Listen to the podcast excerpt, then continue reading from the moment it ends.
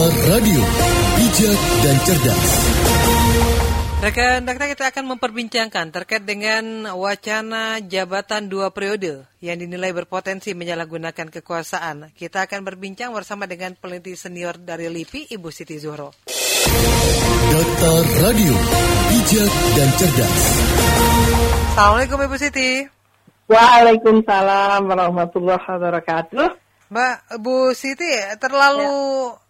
Dini tidak untuk mewacanakan perpanjangan ini atau hanya karena mempertahankan status quo saja Bu wacana ini? Iya, ini memang kita harus mulai tracing back ya. Tracing back itu mulai melihat ke belakang. Mengapa kok senantiasa muncul gitu ya? Ini bukan pertama kali muncul menurut saya. Jadi kalau kita uh, tracing ya, tidak hanya starting dari pemerintahnya Pak SBY gitu ya. Yeah. Iya. Uh, zaman Orde Lama itu sampai ada keinginan presiden for life, presiden seumur hidup kan gitu ya. Uh, di era Orde Baru juga muncul uh, pemilu, tapi selalu pemilu memilih wakil presiden kan gitu ya. Presidennya tetap, wakil presidennya ganti-ganti kan gitu. Nah, itu artinya presiden for life juga sampai uh, akhirnya uh, ditumbangkan di gerakan reformasi tahun 98 gitu ya. Lalu kita sudah melakukan pemilu ya, pemilu tahun 99 muncul Gus Dur gitu ya, menjadi presiden. Lalu diteruskan ke Bu Mega tapi tidak melalui pemilu gitu kan. Uh, melalui masih tidak percaya. Lalu um, ada pilpres langsung 2004. 2004 uh, Pak SBY. Waktu itu belum muncul uh, di 2004 itu uh, keinginan untuk tiga periode. Lalu muncul ketika dua periode baru memulai sudah dimunculkan gitu ya satu tahun kemudian di dua periode uh, periode keduanya Pak SBY itu keinginan untuk presiden tiga periode. Yeah. Artinya kan harus mengubah dulu, harus mengamandemen dulu konstitusi kan gitu.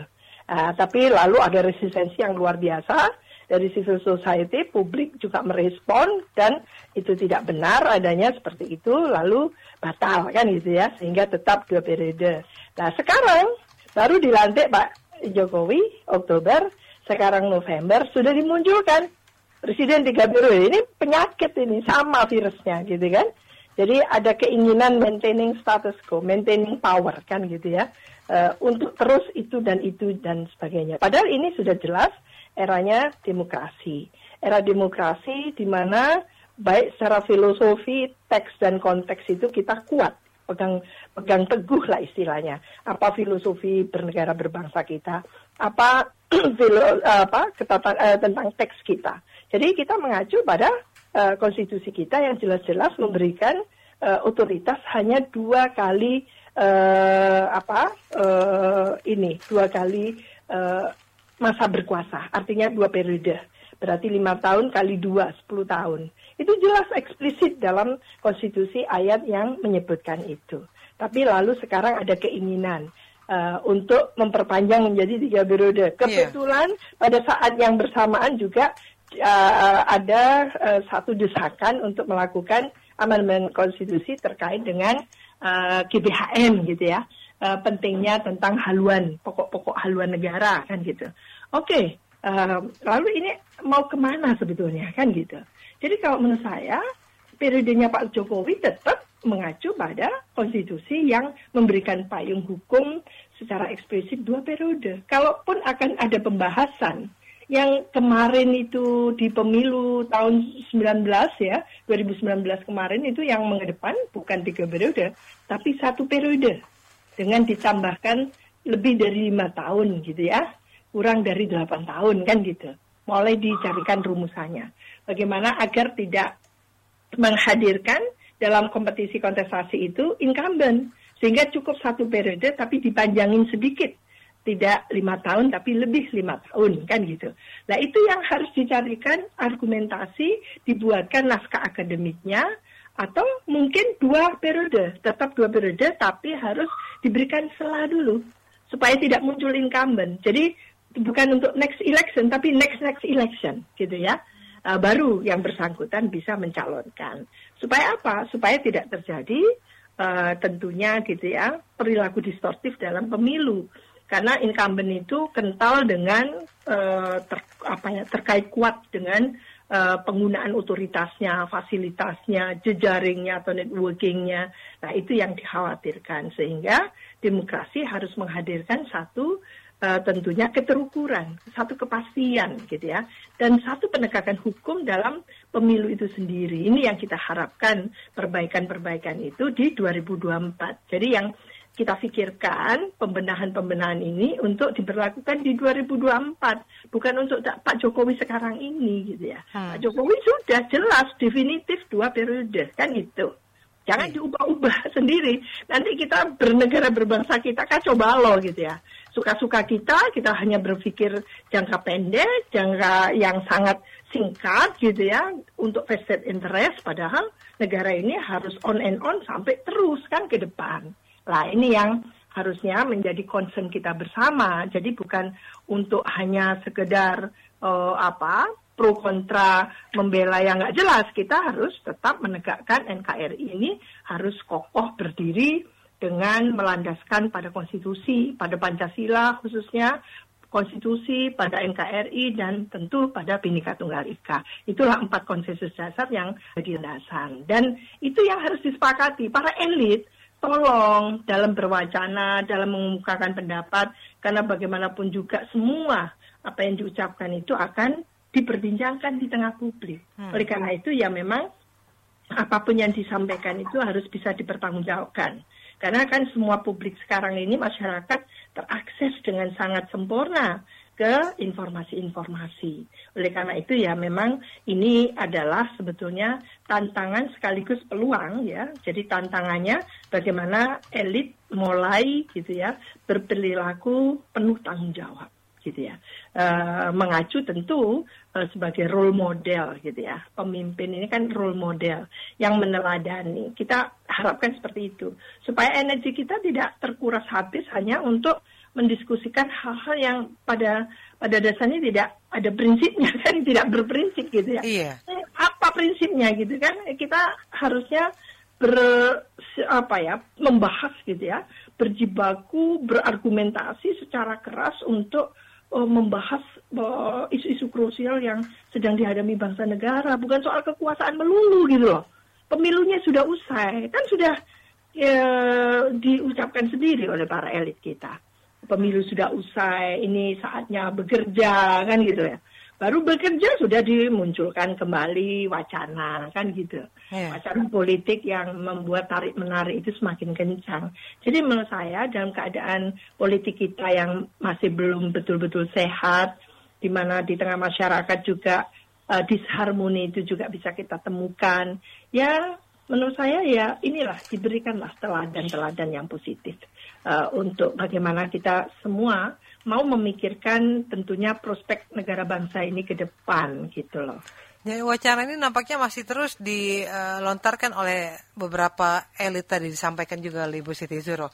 Apakah akhirnya akan membenarkan atau melihat masyarakat bahwa upaya yang dilakukan oleh elit ini tidak lebih dari untuk memperpanjang uh, kekuasaan dan juga melanggengkan kekuasaan mereka?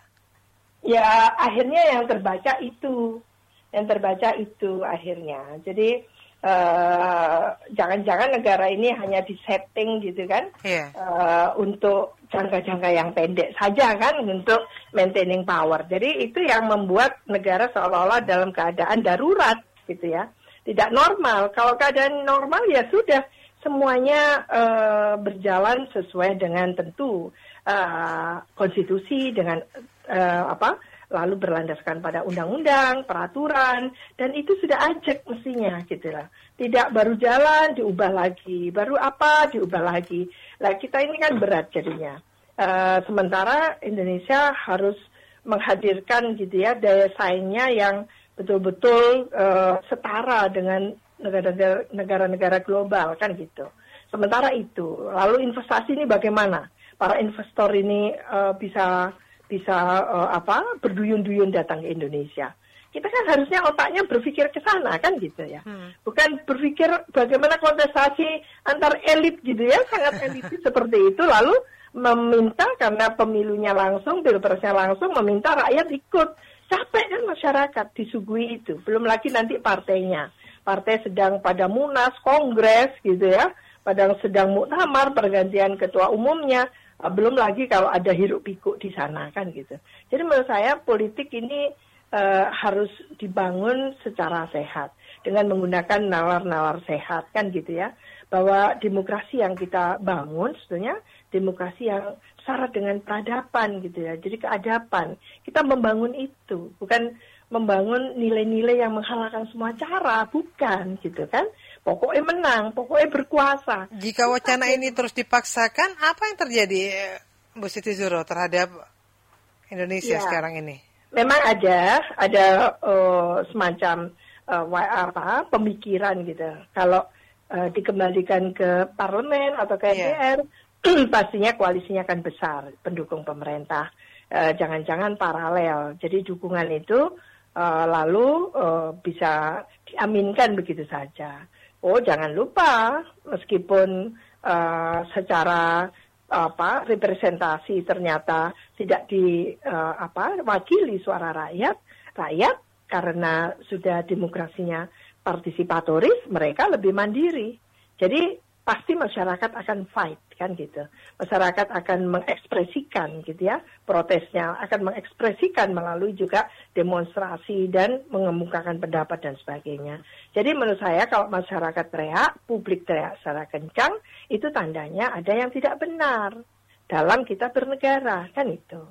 Nah ini jangan diulang-ulang karena demokrasi itu sudah sangat jelas memberikan satu peluang yang sama bagi warga negara untuk berkompetisi, berkontestasi baik dalam pemilu presiden, pemilu legislatif, pemilu daerah, kepala daerah gitu ya.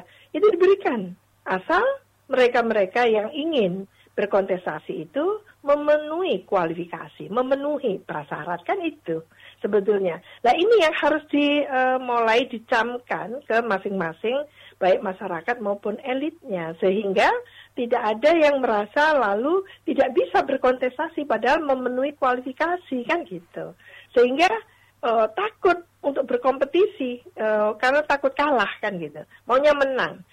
Lalu berpikir hal-hal yang uh, tidak positif lah ini yang menurut saya sangat tidak memberikan satu pembelajaran, tidak memberikan transfer uh, pencerahan gitu ya pengetahuan yang cukup kepada masyarakat bahwa negara ini dengan demokrasi mendapatkan kemanfaatannya kan harusnya seperti itu. Ya. Kalau demokrasi kita ternyata tidak me, apa tidak memberikan atau tidak mempengaruhi gitu kan uh, apa uh, peningkatan tidak berpengaruh terhadap peningkatan kualitas kita dalam kehidupan bernegara berbangsa, lalu untuk apa berdemokrasi, gitu kan? Uh, demokrasi bertopeng jadinya kan gitu. Hmm. Jadi ini yang penting. Oleh karena itu menurut saya uh, perbincangan tentang tiga periode sangat tidak relevan, tidak signifikan, tidak urgent untuk dibahas itu. Jika alasannya adalah distorsi yang terjadi di masyarakat, bukan langkah ini yang harus diambil oleh para elit kita, Bu Siti Zuro ya? Iya, jadi menurut saya yang penting kita dan mendesak ya, mendesak untuk dilakukan oleh uh, Indonesia ini adalah sebetulnya bagaimana meningkatkan kualitas SDM kita. Jadi kalau kita berprinsip memiliki komitmen yang tinggi untuk meningkatkan kualitas SDM kita, mestinya pikiran atau energi kita fokus pada bagaimana pendi kualitas pendidikan informal informal, non formal, gitu kan? Lalu pendidikan untuk komunitas-komunitas itu kan bisa digerakkan bersama, gitu ya, melalui komunitas, melalui masyarakat, melalui jejaring pemerintah langsung, pendidikan formal kan gitu. Lah itu yang diajaklah masyarakat uh, ikut concern bahwa kita akan meningkatkan kualitas SDM kita bersama-sama. Harus ada seruan seperti itu. Bukan dijejali kekuasaan melulu gitu, politik melulu kita ini. Nah, ini terlalu banyak menurut saya uh, apa uh, uh, apa kegiatan-kegiatan politik arahan atau kecenderungan untuk bermanuver politik saja kita ini. Sementara hal-hal yang sifatnya membangun SDM, visi besarnya kan begitu pemerintah baru. Iya. akan bagaimana investasi ditingkatkan, akselerasi investasi kan gitu ya. Lalu melakukan reformasi birokrasi itu banyak sekali yang harus dilakukan. Pekerjaan rumah yang belum dilakukan selama periodenya Pak Jokowi pertama juga banyak. Pak Jokowi juga mendapatkan uh, katakan pekerjaan rumah dari pekerjaan rumah yang lama. Jadi menurut saya itulah ya, fokus saja. Kan kemarin janjinya seperti itu, hmm. bahwa lima tahun tidak cukup gitu. Oleh karena itu dia mencalonkan kembali kan gitu ketika mencalonkan kembali ingin untuk membumikan semua visi misi programnya melalui lima visi kemarin itu. Tidak sembilan program nawacita lagi kan? Yeah. Gitu. Jadi sudah pindah ke lima, lima visi besar. Ya, itu bagaimana sekarang? Jadi fokus saja pada itu. Jadi kalau pun amandemen, amandemen itu yang berkaitan langsung dengan bagaimana tujuan negara ini jauh lebih maju kan gitu. Oke, kita butuh uh, katakan gitu ya pokok uh, pokok-pokok pedoman uh, haluan negara. Oh, apa yang harus dilakukan? Apakah itu memang harus dipayungi melalui konstitusi sehingga konstitusi harus diamandemen? Lalu betulkah ketika sudah diamandemen diberikan payung yang kuat di konstitusi, pokok-pokok haluan negara itu akan dijalankan oleh setiap lima tahun pemerintahan yang silih berganti itu. Lah itu yang harusnya energi itu dikuras ke sana gitu loh di MPR itu. MPR nggak usah menabuh gendang yang bukan-bukan gitu loh. Nanti akan uh, ke mana-mana karena akan ter, terus gaduh ya di tengah masyarakat. Lah, kalaupun uh, kita berpikir ternyata kalau ada pemilu dari pemilu ke pemilu ada sengketa, ada konflik pemilu, ada keriuhan atau bahkan rusuh ya pasca pemilu. Ini apa yang harus dilakukan dengan desain pemilu kita? Lah itu yang harus difikirkan uh, secara serius menurut saya. Apakah pemilu serentak ini relevan, masih signifikan gitu ya, akan dilaksanakan lagi, ataukah memang ada desain baru yang memastikan bahwa pemilu yang akan datang bisa mengurangi distorsi, mengurangi penyimpangan, perilaku-perilaku yang menghalalkan semua cara. Birokrasi tidak boleh dikooptasi, birokrasi tidak boleh diintervensi oleh politik kan gitu. Yeah. Jadi itu ada kesepakatan bersama gitu loh rakyatnya paham bahwa kita tidak boleh mengintervensi birokrasi, elitnya demikian, elit politiknya, sehingga tidak ada perselingkuhan antara politik dan birokrasi, antara politik dan hukum, setiap pemilu datang perselingkuhan itu, kan gitu. Lah kita harus mengakhiri itu kalau mau menjadi negara besar, kan gitu. Mimpi kita kan besar. Kemarin sudah digaung-gaungkan akan seperti apa Indonesia 2045, kan gitu. Tapi kita kerjanya masih uh, bermain di uh, apa ya kegiatan yang cuma seumur jagung, hmm. sumbu pendek. Itu kan tidak nyambung akhirnya. Joko sembung kan. Baik, Ibu Siti Juro terima kasih. Kita akan lihat bagaimana progres dari para elit kita terkait dengan amandemen ini nanti. Iya, oke, okay, Mbak Assalamualaikum warahmatullahi wabarakatuh. Waalaikumsalam warahmatullahi wabarakatuh. Data Radio, bijak dan cerdas. Peneliti senior dari LIPI Ibu Siti Zoro.